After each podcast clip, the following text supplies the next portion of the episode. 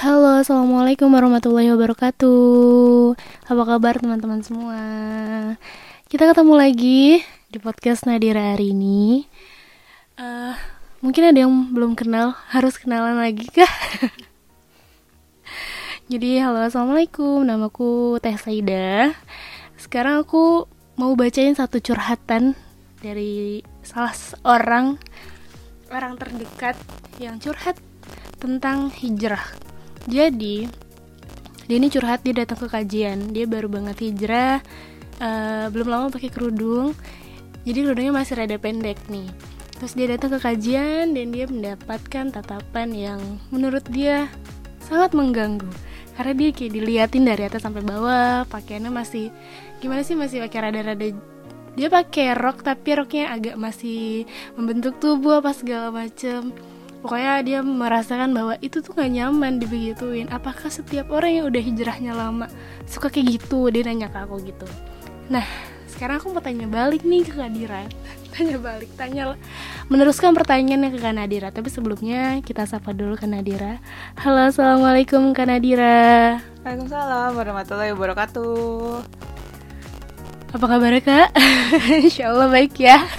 Alhamdulillah baik-baik saja Alhamdulillah. Nah, ini Kak, kalau aku rangkum itu semua jadi sebuah pertanyaan adalah gimana sih seharusnya sikap kita terhadap teman kita yang baru hijrah? Silahkan. uh, banyak terjadi beberapa golongan untuk orang-orang untuk orang-orang untuk menyikapi hal-hal orang-orang yang menyikapi hal ini gitu. Teman-teman yang baru hijrah dan lain-lain ada yang merasa bahwa ngomongnya harus tegas dong kalau ini tuh boleh nggak boleh salah benar gitu ya. Kamu tuh kurang ini kurang ada yang bilang gitu.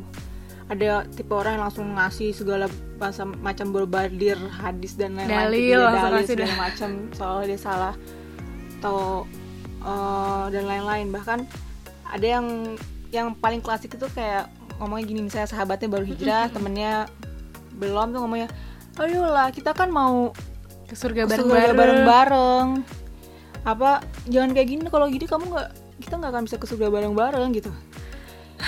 Jadi yang itu ngerasa oh gue segitu banyak dosanya ya dibanding lu dalam hati itu. Jadi kayak sehingga lu bisa masuk surga gue tuh nggak bakalan gara-gara ini jadi dia ter, uh, dan dia udah pede banget. Ya dan dia ceritanya tuh dia pe, temen aku tuh pede banget sih kak. Dan aku di di di apa di judge tuh bener-bener yang kayak pendosa banget. Dan dia tuh udah suci banget. Dan apakah orang-orang yang ngaji tuh ngomongnya tuh separah gitu. itu. ya se, se, kok makin dia ngaji kok aku makin nyelkit banget sih ngomongnya gitu. Nggak ada nggak ada lembut-lembutnya semua orang dibilang salah semua orang dibilangnya kayak dia yang paling berilmu iya. aja gitu.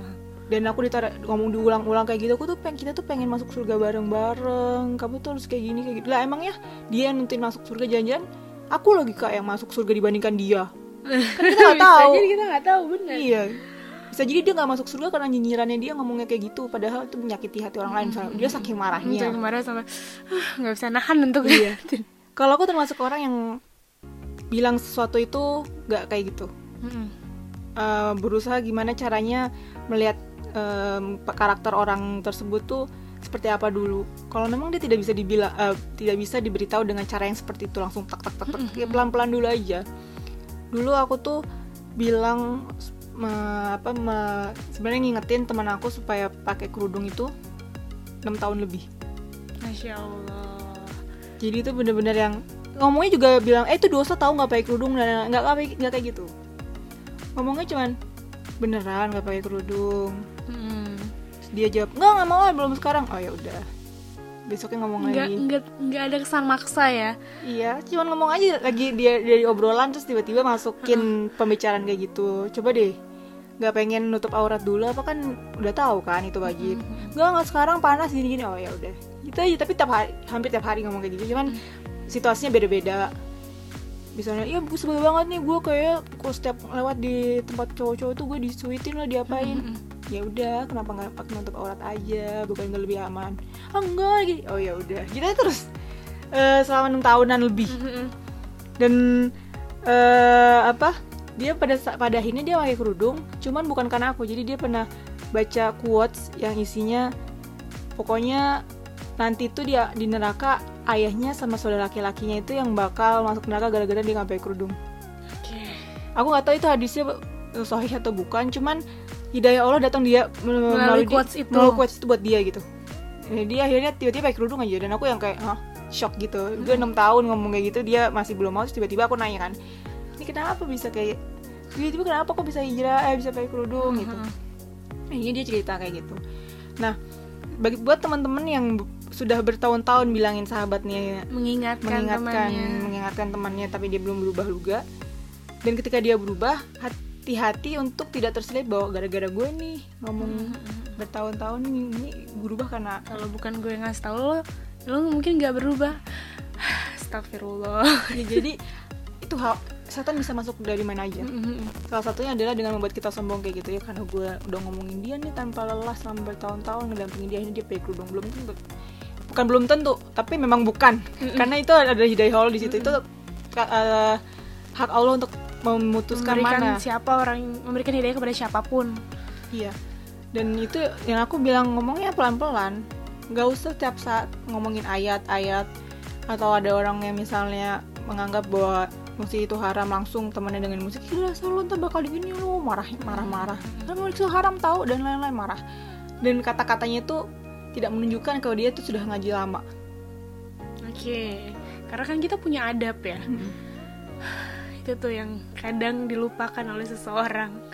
Jadi adabnya itu harus di- dilihat juga cara memberitahu Cara orang lain, cara menyampaikannya. Dan dan pahami juga bahwa mungkin kamu berubah sekarang itu karena situasi di mana Allah juga butuh waktu lama untuk menyadarkan kamu gitu. ya benar benar benar Jadi jika Allah sudah melembutkan hatimu menjadi pribadi yang jauh lebih baik seperti sekarang, maka tunggulah dengan sabar sampai Allah melembutkan hati mereka.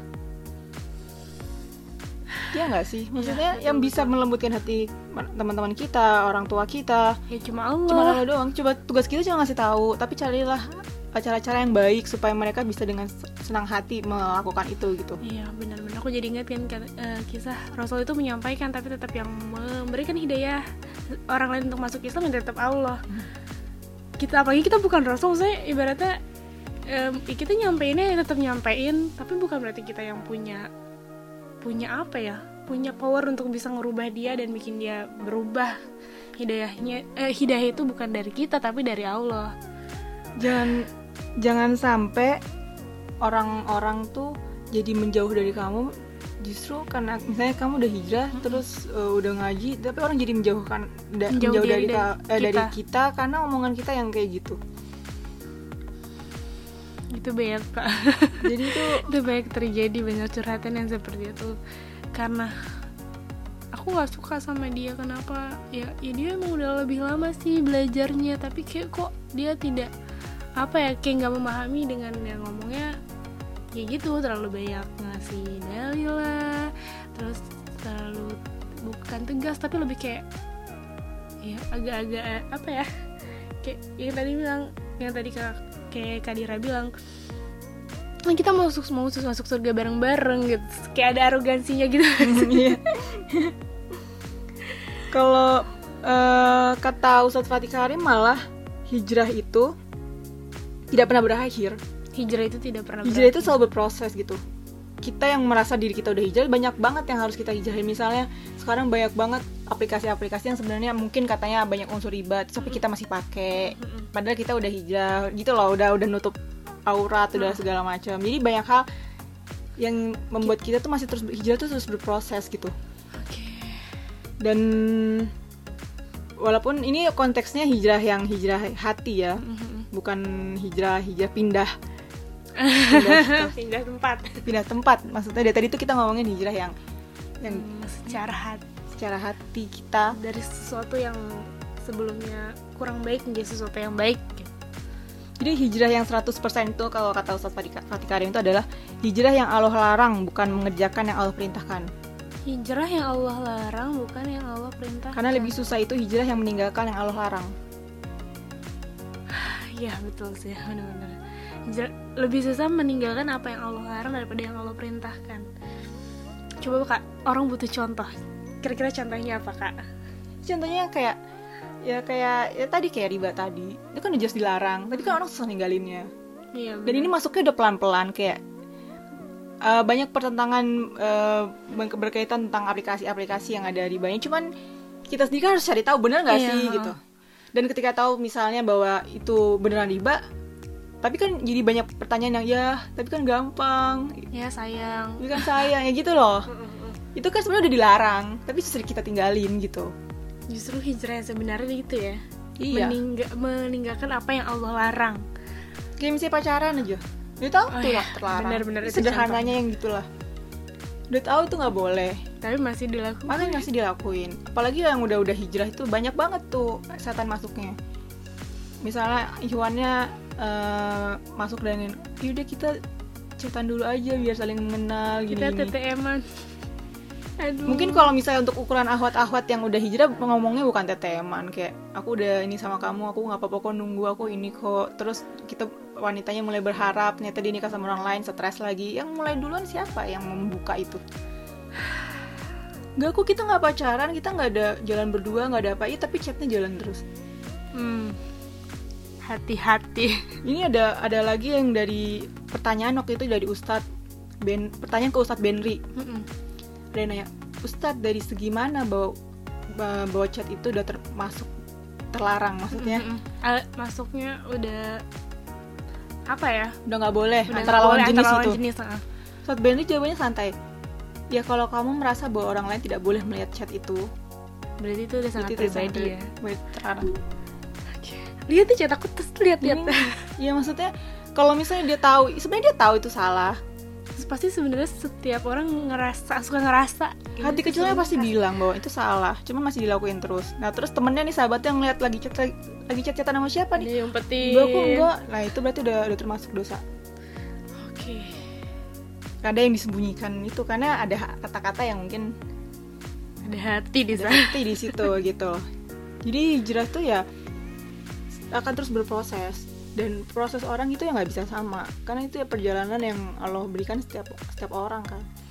Dan kita tidak boleh menjudge perjalanan seseorang ya temenin aja gitu. Hargai Hargai. temenin. Kayak misalnya eh, temenku eh, kan aku pernah dulu di pesantren walaupun cuma setahunan gitu. Tapi sampai sekarang masih berhubungan dekat gitu. Karena ada anak pesantren terus kalau ngeliat temennya lulusan pesantren pacaran tuh ngeliatnya langsung "Ah, nggak sih ah, ngobrol gitu. Ya aku mi kalau aku mah nemenin nemenin aja Gak nggak bilang eh tau gak sih lu tuh pacaran dosa tau. Ini gini setiap ketemu tuh nggak pernah ngomong kayak gitu. Cuman dia cerita tentang pacarnya oke. Terus tapi nyeplos juga kadang aku serius nggak pacar eh serius pacaran? Nggak nikahnya kapan? Nggak mau Gitu. nikah nggak mau nikah aja langsung. Mungkin nggak langsung kayak gitu. Cuman langsung nanya dulu nikahnya kapan emang rencananya? Oh ya, lebih halus lagi nikahnya Iya, kapan? Cari cara supaya ngomongnya halus. Mm, mm. ya nggak terkesan memojokkan dia gitu kalau dia bilang kau ini dia masih lama. Oh hati-hati ya. Mm. jangan sampai ntar kalau nggak jadi nangis nangis loh. Itu kan sebenarnya ngasih tahu. Kita harus tahu juga dengan nada yang apa yang enggak ya ya aku paham aku paham. Gitu jadi orang yang baru hijrah juga seneng main sama kita.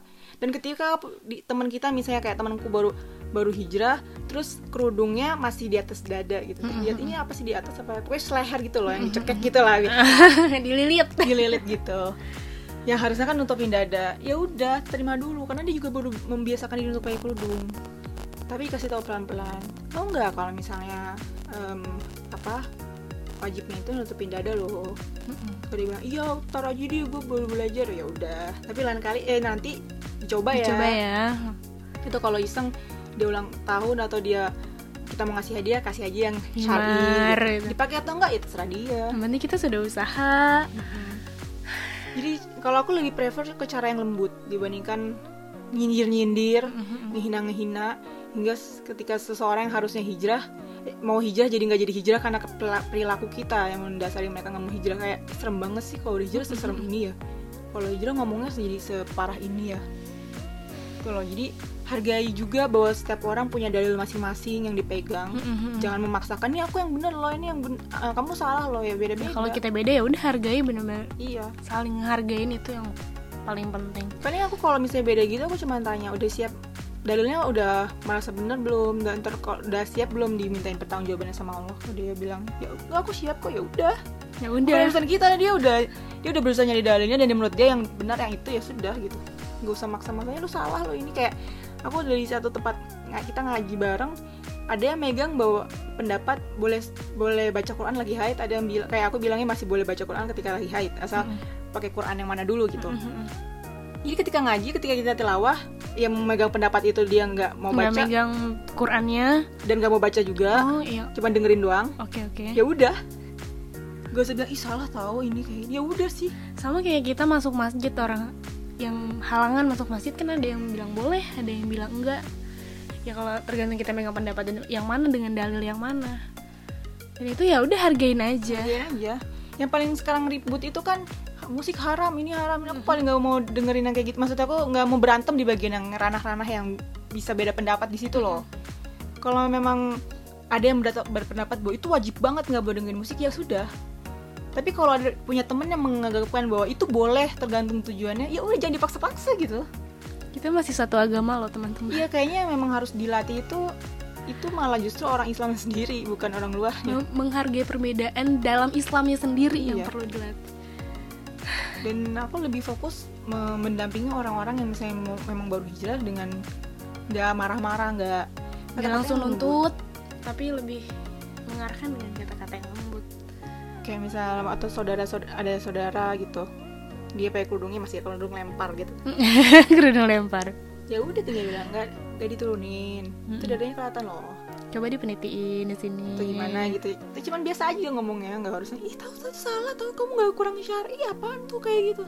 Malah apalagi kalau ngomongnya sama remaja ya bisa berantem itu. Bisa berantem aja masih bergolak-golak. Iya ini apaan sih? Eh, marah-marah aku soalnya pernah mendengar cerita adik aku yang perempuan gimana dia di dibegitukan gitu. Hmm. jadi kan malah bikin dia ah, malas lah apaan panjang malah digini ini itu kan kalau ketika ada kalau buat aku ketika ada jalur yang lembut yang lebih orang lain lebih senang mendengarnya kenapa harus dengan kata-kata yang menyakitkan kayak gitu? Iya betul betul. Dan aku ber- ber- ber- melatih diri untuk begitu karena aku akan mikir nanti kalau aku ngajarin anak aku ya begitu. Nggak bukan yang kamu salah kamu ini yang otoriternya nadanya tuh benar-benar nada yang merintah gitu nggak nggak pengen kayak gitu aku pengen bener ngerangkul. Karena memang ada beberapa orang tua yang juga gitu kayak misalkan ya kan anak harus nurut sama orang tua dikasih dalilnya yang gini gini gini gini. Ya maksudnya dalam arti ya sebenarnya anak juga tahu. Cuma Iya. menyampaikannya berarti kan kita harus pintar-pintar dalam hal menyampaikannya itu ya. Kalau aku mikirnya ini aja orang tuanya harus belajar lagi tuh parenting. Bukan berarti eh maksud aku eh, mungkin ada orang yang bilang ih kok kamu nggak tahu? Gimana aku juga susah nyuruh nyuruh orang tua aku buat hijrah untuk belajar parenting lagi Mhm. ya udah mungkin kamu yang harus belajar. Terus ngomongin ke orang tua lalu pelan-pelan. Melalui kita lah. Tapi kan orang tua aku nggak mau dengerin aku. Ya itu karena aku mikirnya begitu terus. Maka dikabulkannya begitu sama Allah oh iya benar itu dari pola pikir kita, kita mikirnya mamaku gak akan dengerin aku ya. Udah tertanam dan akhirnya beneran jadi nggak didengerin. Kan Allah berdasarkan prasangka hamba loh. Prasangka. kita berarti hal pertama kita harus ngubah dulu itunya. Iya prasangka itu kan nggak harus yang positif terus yang negatif juga makanya kenapa buruk banyak sangka kita sering buruk sangka. Iya. sama Allah. banyak ada anak-anak atau banyak anak yang tidak pernah berubah. Salah satunya adalah karena orang tuanya berpikir bahwa anaknya tidak akan pernah berubah. Makanya kita juga termasuk kita ke teman kita ya. Kalau misalnya kita mau ngajak teman kita untuk hijrah ke arah yang lebih baik kayak jangan ada ya kayak mah eh dia mah kayak bebal deh. Maksudnya iya dia mah masih lama kayak pakai kerudungnya itu pikiran kita. Itu itu kesoktawan kita. Kesoktawan kita dan jangan sampai karena itu mem- membuat kita jadi kayak gimana gitu ke temannya Dia tahu dari mana dia bakal banyak bakalan nanti hijrahnya. Lama nggak taunya malah dia jauh lebih berprogres lebih dari kita. Iya, itu kan so tahu. Maksudnya kita bukan Tuhan loh. Kok kita yang ngejudge bahwa orang itu eh, hijrahnya bakalan lama? Jadi sampai kita nggak akan tahu. Kayak temanku aku udah bilang enam tahunan gak berubah dia belum mau berubah terus tiba-tiba dia berubah sendiri kan aku juga. Lah cepet juga gitu. Maksudnya Masya cepetnya itu cara dia dapat hidayahnya cuma gitu doang gitu. Cara Allah memberikan dia hidayah langsung membolak balikan Iya. hatinya. Itu Umar bin Khattab gimana? Banyak tuh Allah. cerita-cerita yang yang apa sih yang berubahnya tuh cepet banget. Apalagi di zaman sekarang yang segala eranya tuh cepet banget. Insya Allah orang ketika hijrah ya cepet banget. Kalau dulu memang mungkin agak sulit gitu berubahnya lama. Tapi kalau misalnya memang sekarang tuh segalanya tuh serba cepat gitu. Jadi orang berubahnya juga insya Allah cepet tetap semangat. Yakin aja bahwa teman kita orang tua kita misalnya akan berubah. Kapannya terserah Allah yang jelas kita berusaha. Bener kapannya terserah Allah yang penting kita berusaha. Kasih taunya dengan cara yang baik kalau aku tuh. Dan kita juga menyikapi teman kita yang baru hijrah kita harus juga punya adab dalam menyampaikan sesuatu dan menghargai juga ya. Menghargai dia kalau misalkan ada perbedaan oh ternyata mungkin dia ya kan kita setiap kita mas- masing-masing punya guru ngaji. Kalau misalkan dia ternyata punya dalil yang berbeda sama kita ya udah hargai Hmm. lalu ya dengan menyampaikannya pun dengan apa ya, kalau perbedaan juga menyampaikannya dengan cara yang baik karena memang kita dianjurkan untuk menghindari perdebatan kan Aku juga sering kok tuh di DM kayak gitu. Kenapa sih kok kayak gini sih kok harusnya kan kayak gini gini gini. Mm-mm. Aku nggak nyangka deh karena dia gini Mar- marah-marah gitu.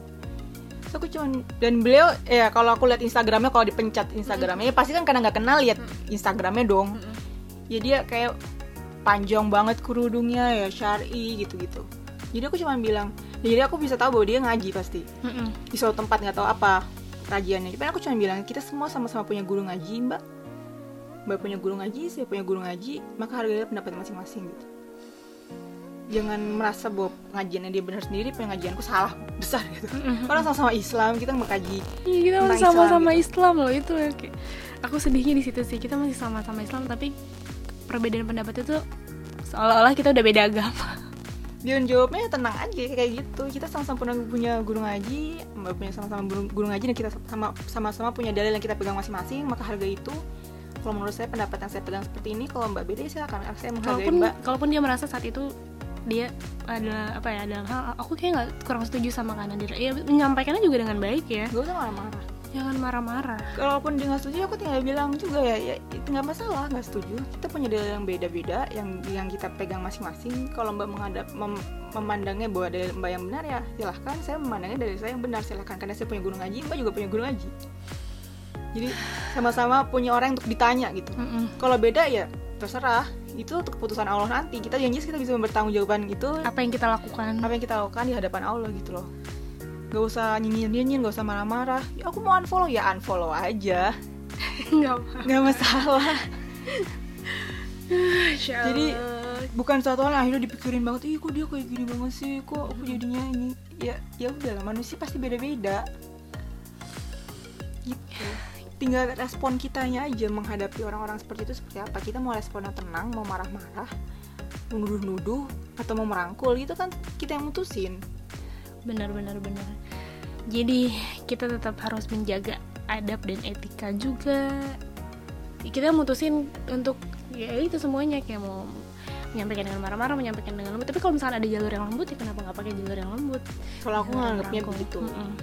kalau ada orang lain menganggapnya enggak harus dia dia harus harus keras." dilembutin nih gitu. Iya ya terserah. Cuman juga sama-sama punya semua ada resiko. kon- konsekuensinya Iya, ya. kalau dia misalnya ngomongnya keras kayak gitu ya resikonya ya mungkin jadi orang jadi nggak jaga jarak sama dia nggak berani nanya sama dia. Kalau yang lembut kayak gini ya siap-siap agak lama ngasih tahu iya semuanya ada ada plus minusnya ada Iya. konsekuensinya. Tergantung aja lebih senang di- dianggap seperti apa juga dan lebih senang menyampaikan dengan cara seperti apa. Dari konteksnya juga sih kita dalam lingkungan seperti apa. Mungkin kalau misalkan kayak sekolah peraturan sekolah kan agak lebih tegas ya. Apalagi sekolah agama gitu. Itu jauh lebih tegas kan. Maksudnya nggak kita tidak menyampaikan dengan tapi kalau udah gurunya bisa menyampaikan dengan yang lebih Ya, baik. maksud aku.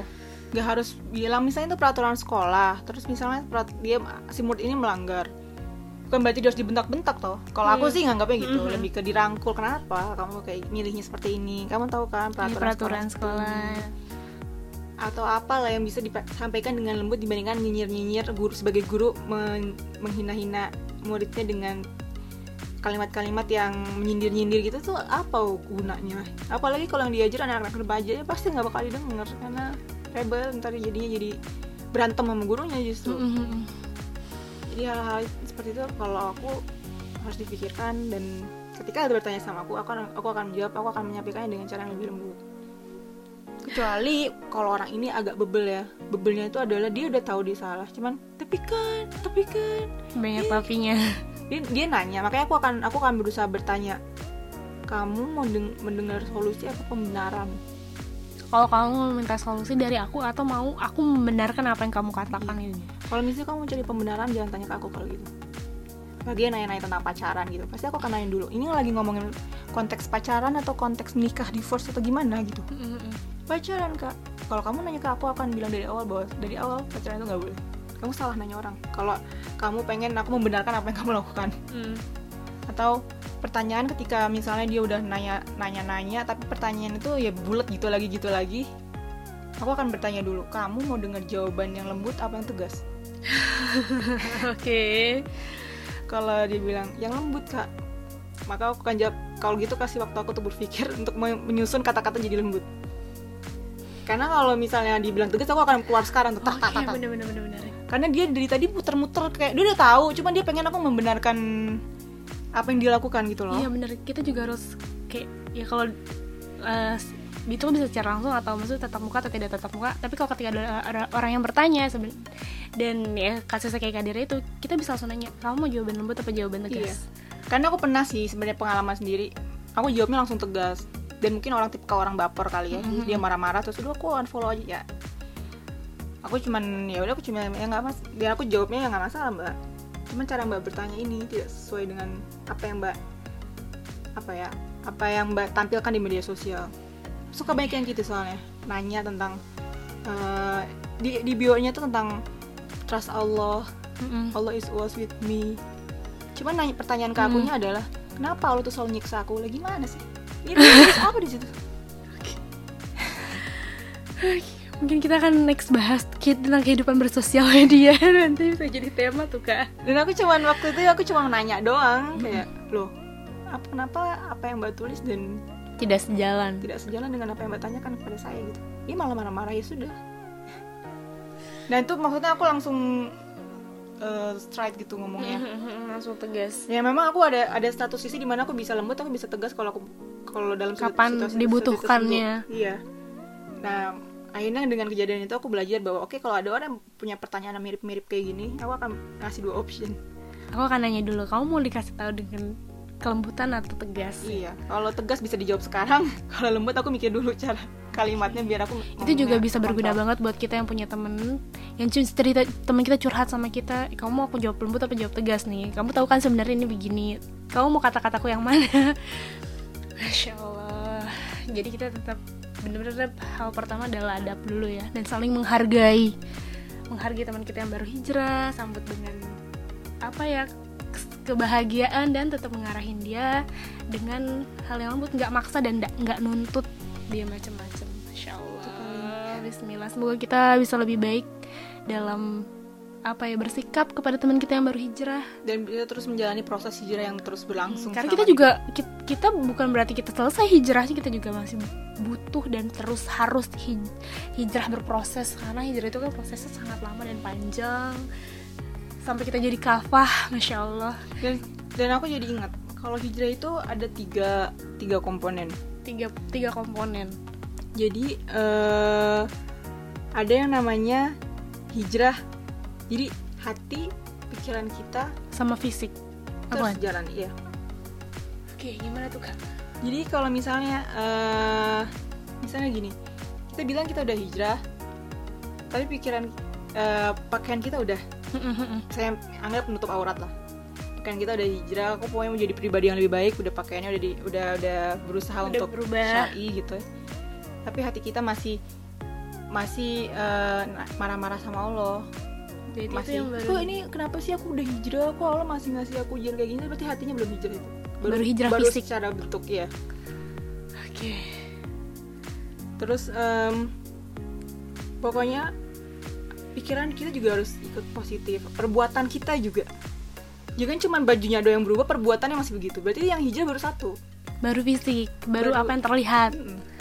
perbuatan juga harus Padahal juga. hijrah itu da- jauh lebih banyak gitu komponen kayak Iya. dari hati, pikiran dan perbuatan. jangan kalau buat aku aku tuh agak agak aneh ketika ada orang yang bilang kak aku udah hijrah tapi kenapa ujian ini belum selesai selesai lah berarti lo hati lo belum hijrah Justru ya orang merasa kalau dia hijrah itu ujian nggak ada gitu. itu aneh Padahal justru makin kita hijrah kan artinya kita naik kelas dong. iya Makin naik kelas makin ujiannya makin ya kayak kita sekolah aja lah.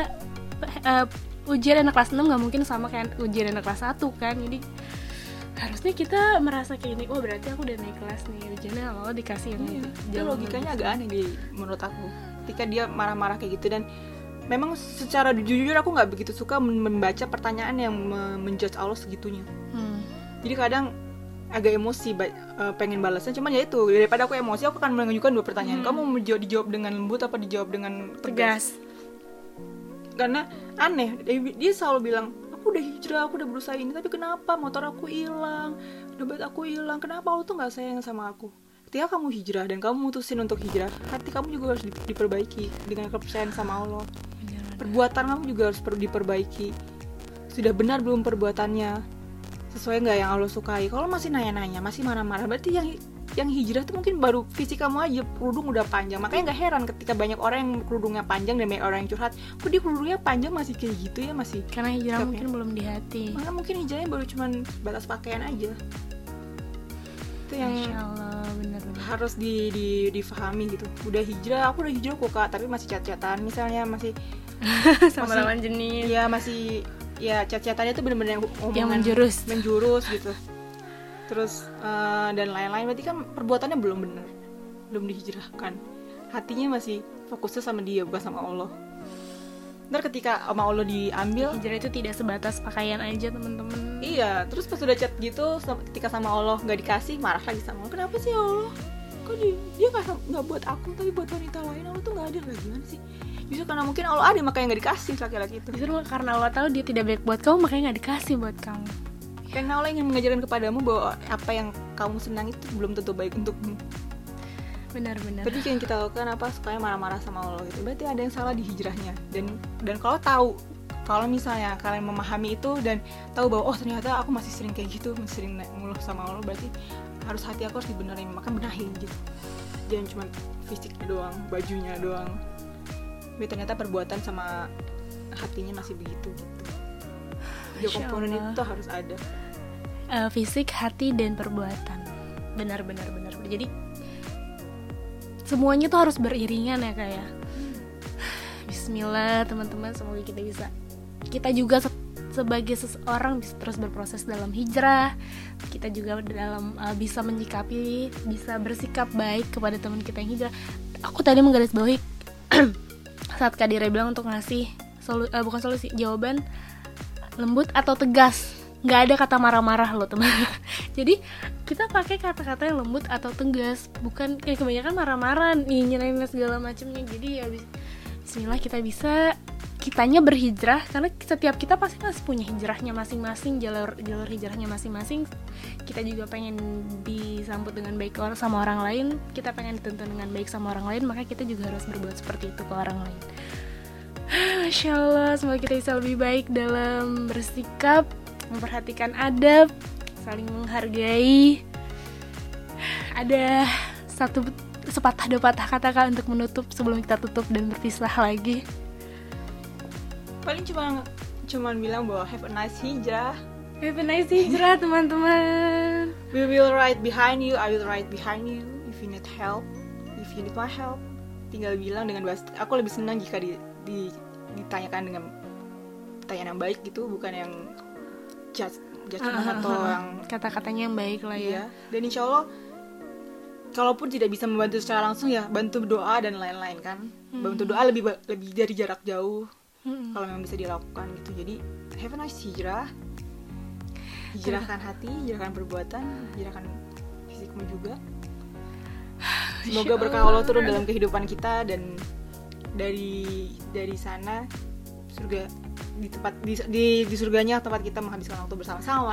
Amin, masya Allah, amin amin ya robbal alamin. Jangan berhenti. Setiap hijrah pasti ujiannya Ada setelahnya aja. lebih mungkin lebih besar Lebih karena besar. kita udah naik level. Iya, nah kita naik kelas. Makanya siapkan diri kita masuk ke kelas yang baru gitu. Ada kelas yang yang- baru. Aduh, Bismillahirrahmanirrahim. Justru kita harus bangga dan senang. Oh, berarti aku udah naik kelas nih, Masya Allah. Berarti aku hidupnya lebih baik nih, Insya Allah. Tetap semangat teman-teman. Have nice hijrah.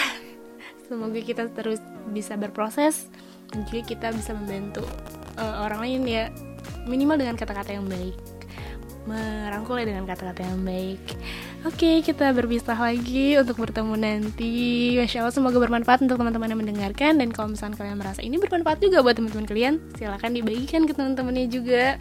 Semoga bisa eh, apa ya menjadi jawaban dari mungkin ada pertanyaan-pertanyaan yang serupa.